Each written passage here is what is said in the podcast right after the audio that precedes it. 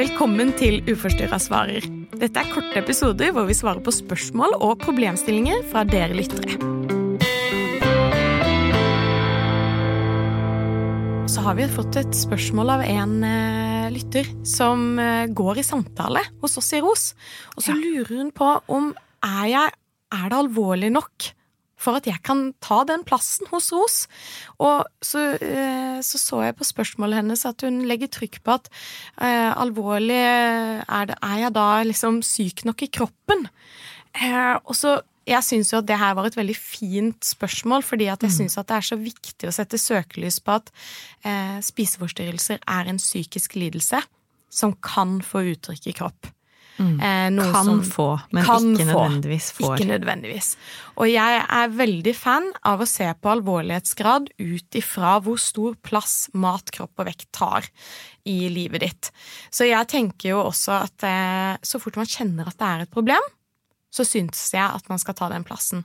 Så, og hos Ros, selvsagt skal du ta den plassen. Mm. Og så kan det jo være andre steder, som hos helsesøster eller psykologen, hvor man kan få samme type tanker, da.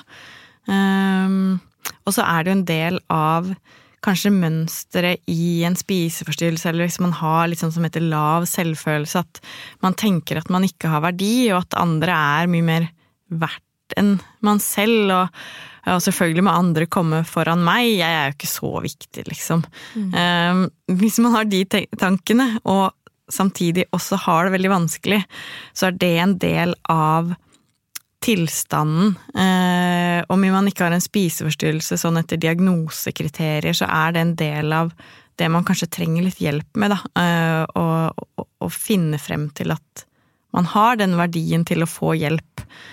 Um, så jeg tenker på en måte at det er nesten en sånn dobbel Hvis man sitter med tanker om at jeg er ikke syk nok til å få hjelp, så er du i hvert fall i en situasjon hvor du bør få litt hjelp. Ja, fordi ja. da er du liksom inne i en annen del av det en spiseforstyrrelse kan handle om. da. Og så tenker jeg jo at eh, dersom du sitter og kjenner på den følelsen av at eh, åh, nå tar jeg plassen til noen andre, og jeg er redd for at jeg ikke er dårlig nok til å være her.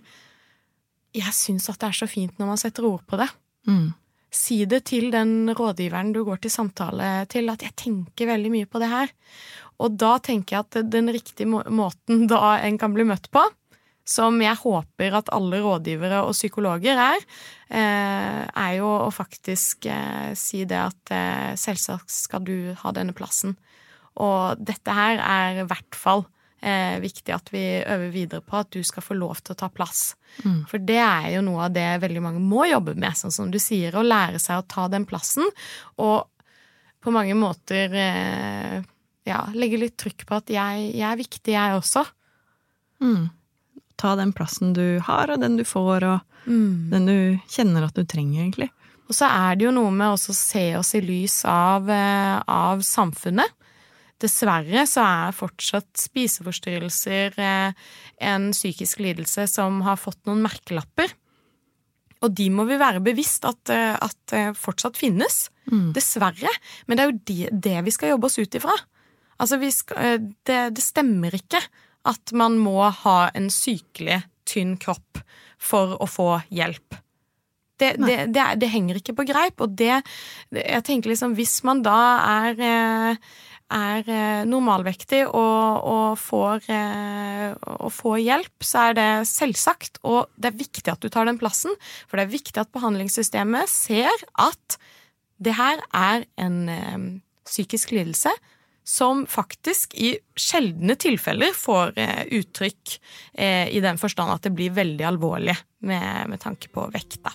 Mm. De aller fleste med spiseforstyrrelser er jo enten normalvektige eller eh, overvektige. Takk for at du hørte på Uforstyrra svarer. Hvis du har en problemstilling som vi kan ta opp i podkasten, så skriv til oss på Uforstyrra på Facebook eller Instagram.